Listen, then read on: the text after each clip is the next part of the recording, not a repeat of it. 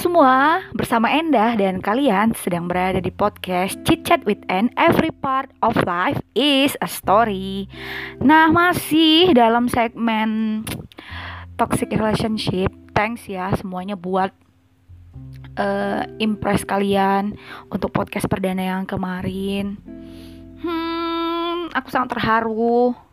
Nah kali ini uh, kita masih masih dalam bahasan podcast uh, tentang toxic relationship tapi kali ini mungkin dalam segmen yang friendship kali ya atau pertemanan gitu. Nah uh, yang kadang-kadang ini tuh sebenarnya deket dengan kita tapi kadang kita itu nggak sadar gitu.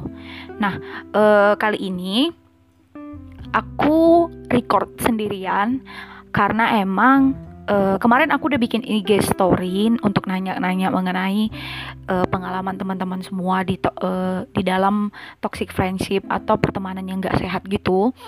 Dan uh, thanks buat kalian yang udah share. Mungkin kalian dengar uh, sekarang podcast ini. Uh, cuman karena keterbatasan uh, pengeditan suara yang aku masih ketahui gitu. Maaf ya guys aku masih newbie. Uh, jadi aku memutuskan untuk record sendiri dan gak undang kalian karena uh, topik ini menurutku cukup sensitif kalau misalnya uh, orangnya itu nggak disamarin suaranya gitu guys. Jadi aku minta uh, minta tolong buat teman-teman yang sharing untuk share ceritanya uh, sedikit buat kita bahas di podcast ini gitu. Dan nanti aku bakal bacain uh, beberapa cerita sih uh, terkait dengan toxic relationship dalam konteks uh, friendship ini sendiri. Gitu. Nah uh, mungkin teman-teman yang belum tahu atau belum pernah dengar atau udah udah udah tahu sih maksudnya kayak toxic uh, friendship itu kayak pertemanan gak sehat. Tapi mungkin aku jelasin sedikit supaya kita bisa nyambung gitu. Nah uh, toxic toxic friendship ini itu uh, pertemanan yang menyebabkan kita mendapat banyak uh, kesakitan ataupun masalah Nah, e, teman dalam konteks toksik ini akan membuat kita merasa tidak yakin pada diri kita sendiri atau e, ingin kita melakukan sesuatu yang tidak kita sukai bahkan menonjolkan sifat-sifat buruk.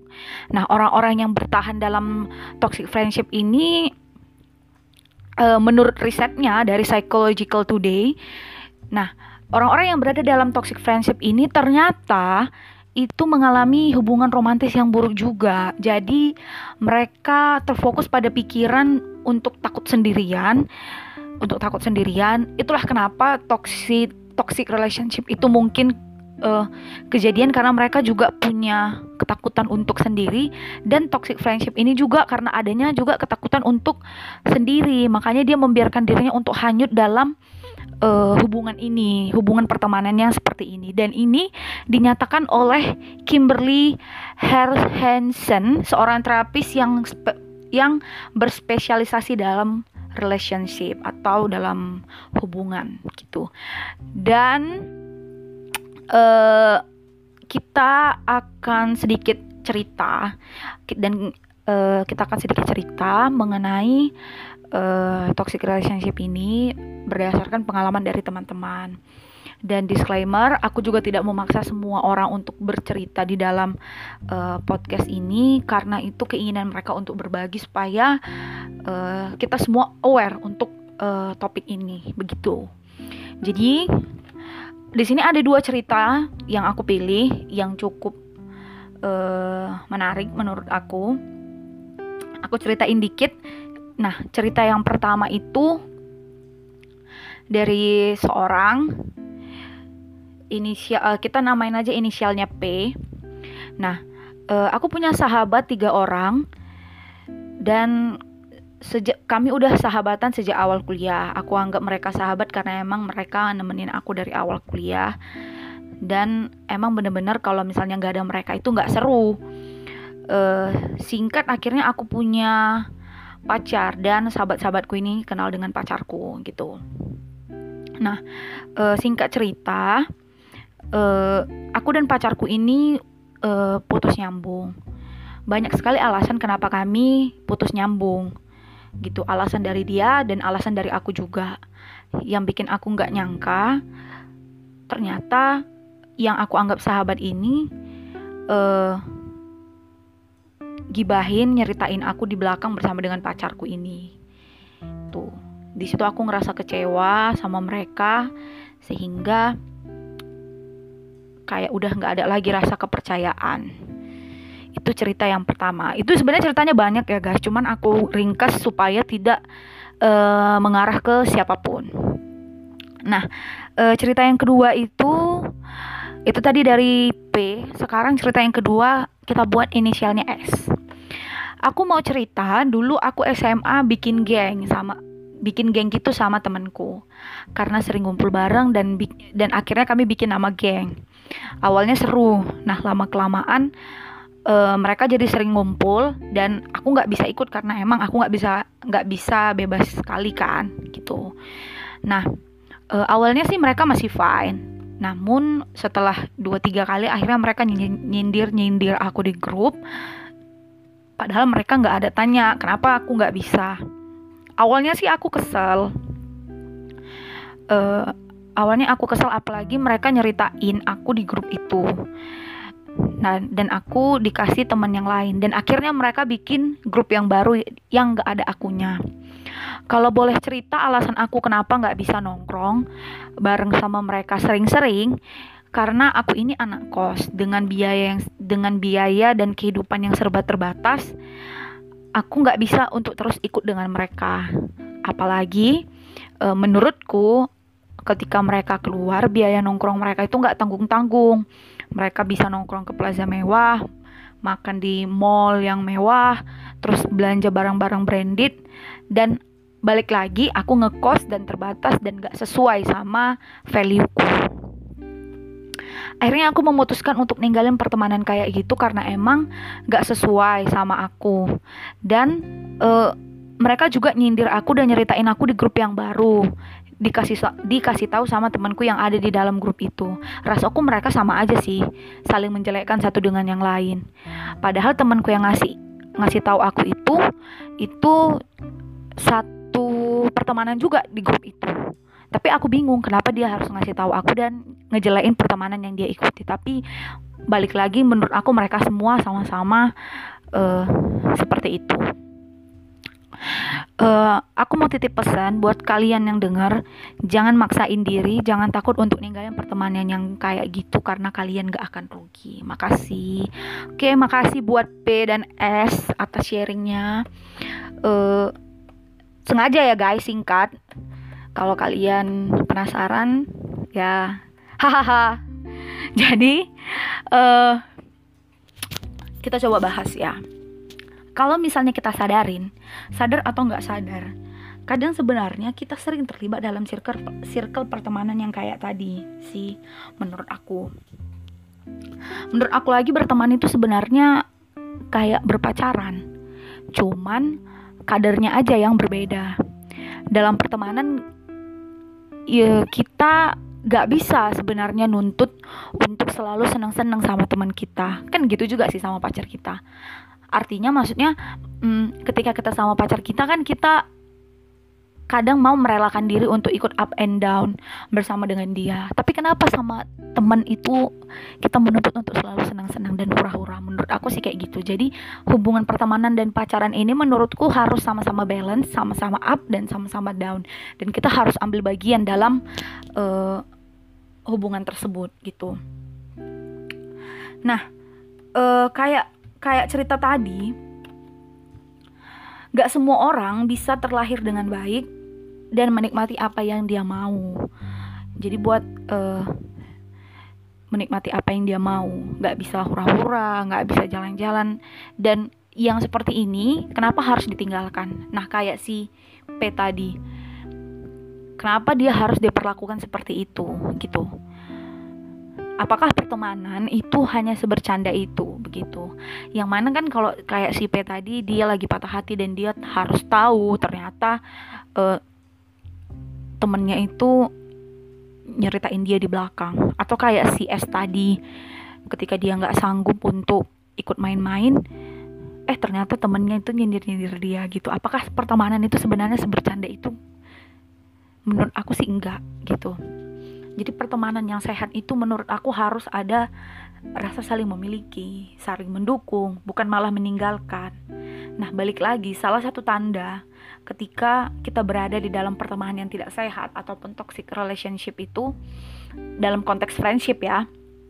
Uh, mereka itu membuat kita merasa tidak nyaman. Mereka tidak bisa menjaga rahasia, menjaga rahasia kita. Mereka nggak merasa punya ikatan memiliki sama kita, kayak si uh, P tadi ketika si P tadi patah hati malah teman-temannya meninggalkan dia untuk uh, mungkin nyeritain dengan orang lain atas kejadian yang menimpa dengan dia atau si S yang ketika dia nggak bisa untuk ikut main-main teman-temannya ninggalin dia karena dia emang nggak bisa gitu. Karena dia terbatas. Jadi menurutku pertemanan itu harus benar-benar ada rasa tenggang rasa.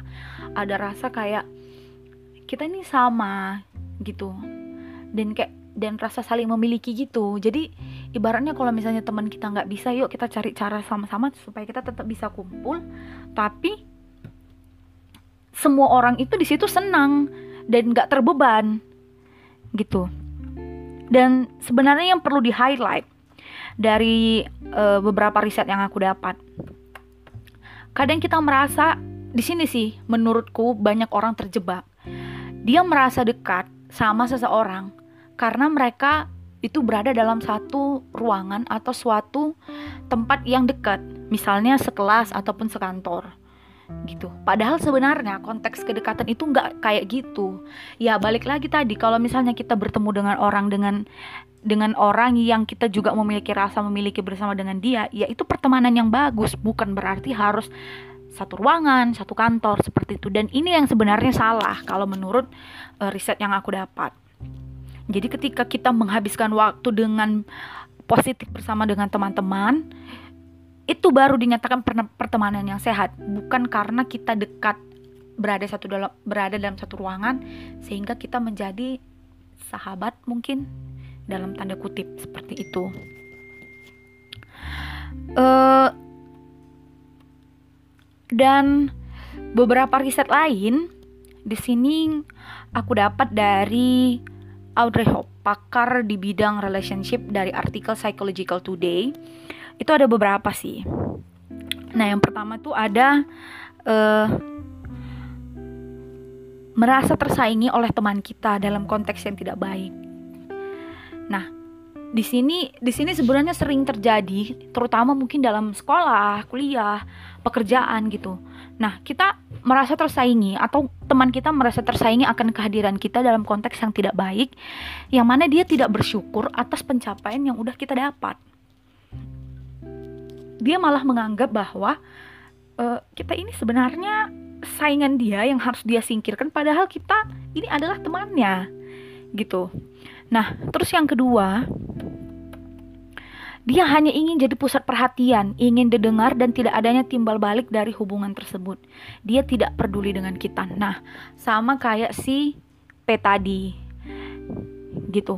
Nah, si P tadi, teman-temannya itu nggak peduli sama dia. Sementara uh, dia benar-benar lagi butuh pertolongan, lagi butuh orang untuk cerita dengan kondisi masalah yang dia punya, tapi malah teman-temannya ninggalin dia. Gitu. Dan uh, kebanyakan memang orang-orang yang kayak gini emang cuma ingin diperhati memang bener-bener toksik sih menurut aku. Karena dia cuma pengen sentralnya tuh di dia dan dia nggak mau peduli sama orang lain. Sementara kita kan nggak boleh kayak gitu gitu. Nah kemudian ada lagi nih mengkritik dan membenarkan diri sendiri. Wow ini ini paling sering. Paling sering kadang uh, kita alamin gitu. Kalau kayak aku sih aku nggak pernah menerima kritik kalau nggak ada saran ya. Cuman kalau ini dia selalu mengkritik dan membenarkan diri sendiri. Bagaimana mungkin anda tahan berteman dengan orang yang selalu mengkritik dan membenarkan diri sendiri? Misalnya kayak kamu tuh harus kayak gini. Lihatlah aku. Atau lihatlah uh, lihatlah aku. Bisa kan aku kayak gini kayak gini? Makanya kau tuh harus kayak gini gitu. Ini nih uh, pertemanan salah satu contoh pertemanan yang tidak baik ya. Karena setiap orang itu punya ke, kemampuan, batas kemampuannya masing-masing. Dan kita nggak boleh membandingkan kemampuan kita dengan kemampuan orang lain. kita juga nggak boleh membandingkan bagaimana cara kita menyelesaikan masalah dengan bagaimana cara orang lain menyelesaikan masalah. Semua orang itu punya cara mereka masing-masing dan sebagai teman yang baik harusnya kita menghormati bukan mengkritik dan membenarkan diri. Gitu. Nah, terus ada lagi di sini who calls whom. Siapa memanggil siapa dalam bahasa Indonesia-nya sih gitu. Nah, jadi uh, tanpa kita sadarin ini juga sering hampir semua sih sering kita hadapi ya jadi kalian bakal bakal sering dengar kata sering nah ini juga sering kita adamin itu kayak uh, kita menaruh kita menaruh investasi terhadap pertemanan kita ini. Maksudnya gimana? Kita sering chat teman kita, tanya kabar, pekerjaannya bagus atau enggak, atau kayak kuliahnya lancar atau enggak, dia sehat atau enggak, gitu maksudnya kita memberikan perhatian kepada sahabat kita ini, tapi ternyata dia tidak pernah memberikan perhatian apa pun terhadap kita. Gitu. Ini benar-benar menurut aku benar-benar sering sih kejadian. Ya ibaratnya hanya satu orang yang berinvestasi atas uh, persahabatan ini, yang lain itu enggak gitu. Yang lain itu ya uh, biasa aja gitu, gak pernah nanya balik, padahal mungkin dia tahu temennya ini lagi posisi gimana kayak misalnya lagi baru dimarahin dosen atau lagi sakit gitu tapi dia nggak pernah nanya balik kabar temennya. Dan hanya satu orang yang perhatian atas hubungan persahabatan ini. Nah ini ini salah satu yang uh, menurutku nggak baik. Dan uh, pada hubungan who calls home ini dua-duanya itu benar-benar dirugikan sih menurut aku. Karena semakin lama orang yang diberikan perhatian ini mungkin mungkin ya bisa aja kayak gak nyaman gitu kan. Kayak ngerasa diikuti dikekang di dikuntit apa sih ini? Ngechat gitu-gitu atau gimana karena dia juga emang nggak punya perhatian sama temennya. Dan yang satu lagi itu ngerasa bahwa ya balik lagi tadi temennya ini nggak memperhatikan dia nggak care sama dia. Karena hubungan persahabatan ini didasari oleh rasa perhatian ataupun caring sebenarnya.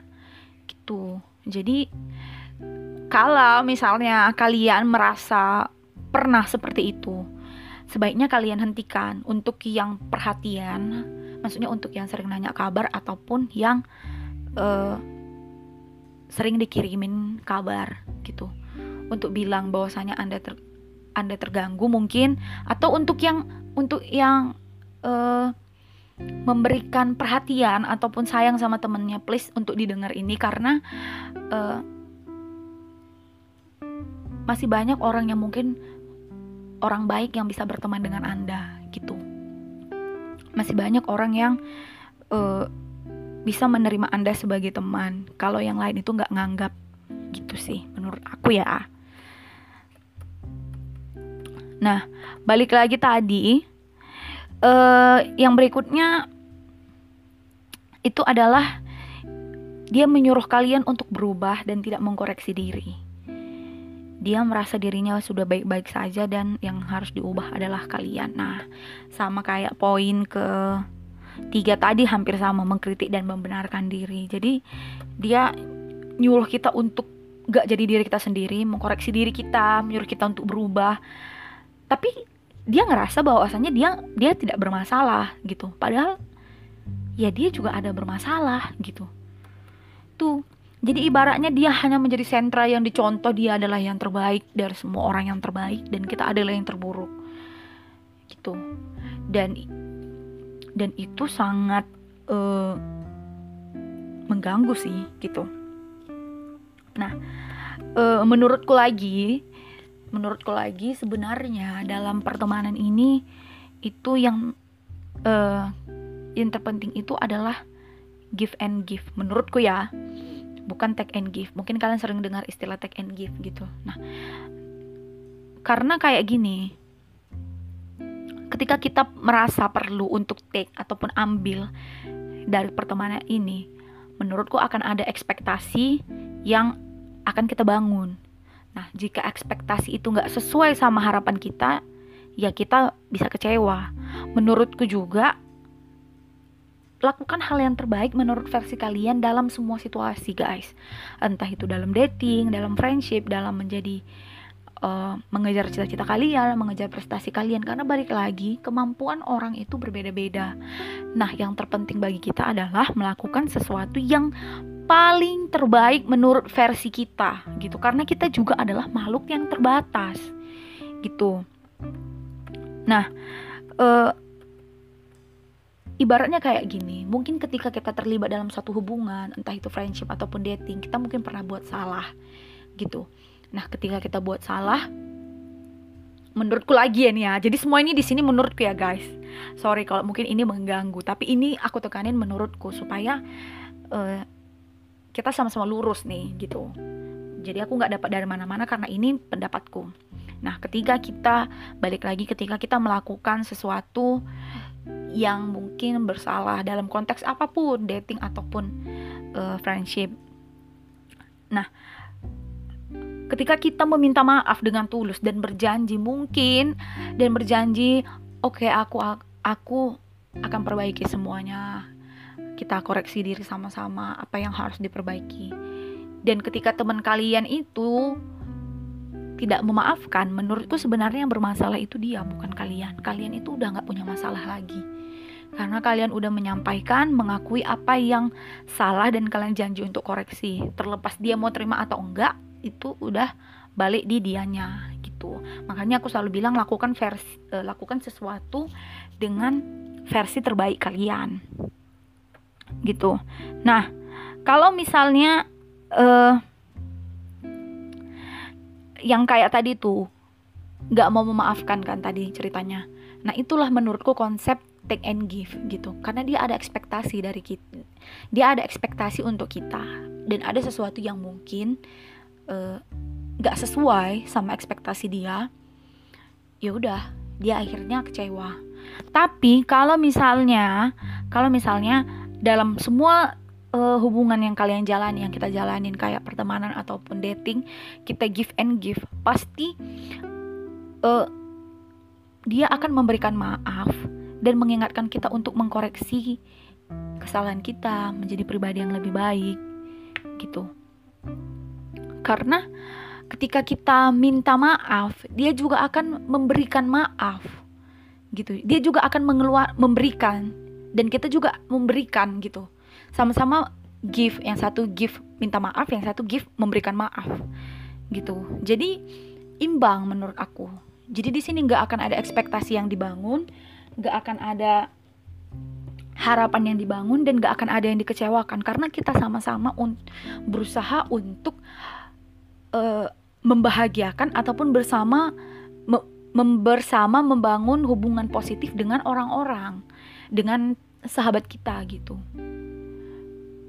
Itulah kenapa memang um, menurutku quality itu quality dalam pertemanan itu lebih bagus daripada quantity gitu. Mungkin dua dua tiga sahabat kita itu udah benar-benar cukup baik bagi kita. Udah memang benar-benar cukup untuk diri kita sendiri. Ya sudah. Gitu. Emang dia yang bisa menerima kita apa adanya? Ya ya sudah. Gitu. Emang dia yang memang give sama kita dan kita pun give sama dia terciptalah hubungan yang positif gitu. Tidak ada orang yang mengambil keuntungan dalam persahabatan ini kayak gitu. Karena kalau take and give ini menurut aku akan ada sih orang yang mengambil keuntungan dalam persahabatan ini gitu. Jadi give give-nya itu harus gitu. Sama-sama saling mendengarkan, sama-sama saling memberi support, sama-sama saling menyemangati gitu give and give gitu bukan satu memberikan semangat dan satu menerima semangat kayak gitu menurut aku uh, dan ada lagi yang menurutku cukup bagus yang aku dapat dari artikel Psychological Today ini. Ketika kita berada di pertemanan yang baik, ternyata bisa membuat tubuh dan sistem imun kita itu lebih sehat, guys. Tapi emang iya sih, kayak hati yang gembira, kalau misalnya hidup kita juga sejahtera, pasti kita lebih sehat. Tapi pertemanan yang tidak sehat ataupun toxic friendship bisa menjadi penyakit hati. Gitu. Bisa jadi dendam, bisa jadi ini dan menimbulkan penyakit untuk hati dan bahkan tubuh kita. Mungkin orang orang-orang uh, berhubung juga aku kuliah di psikologi, nah kami juga ada belajar kalau misalnya ketika kita emosi kita negatif itu akan berkaitan juga dengan uh, tubuh dan hormonal kita gitu. Nah, uh, closing statement kita hari ini itu ini. Memiliki teman atau sahabat yang baik bukan seberapa banyak orang yang menjadi teman kita, tetapi seberapa tulus kita, kalian dan teman kalian, memiliki rasa saling memiliki dan saling peduli. Karena bukan per, karena bukan masalah kuantitas, tapi masalah kualitas yang baik. Ingat, memiliki teman harusnya bisa membuat kita semakin berkembang ke arah yang lebih baik, bukan malah menurunkan semangat, menurunkan prestasi kita. Itu aja. Jadi, thank you buat kalian yang udah dengerin podcast kedua tentang toxic relationship dalam konteks friendship. Semoga apa yang kita bahas hari ini bermanfaat dan menjadi insight, menjadi inspirasi dan thanks juga buat teman-teman yang udah sharing uh, sama aku supaya kita semua berada dalam circle pertemanan yang baik, yang positif dan bisa membangun uh, dan bisa membangun hubungan yang baik juga dengan orang lain. Mungkin itu aja dari aku. Sampai ketemu di episode berikutnya. Bye bye. Música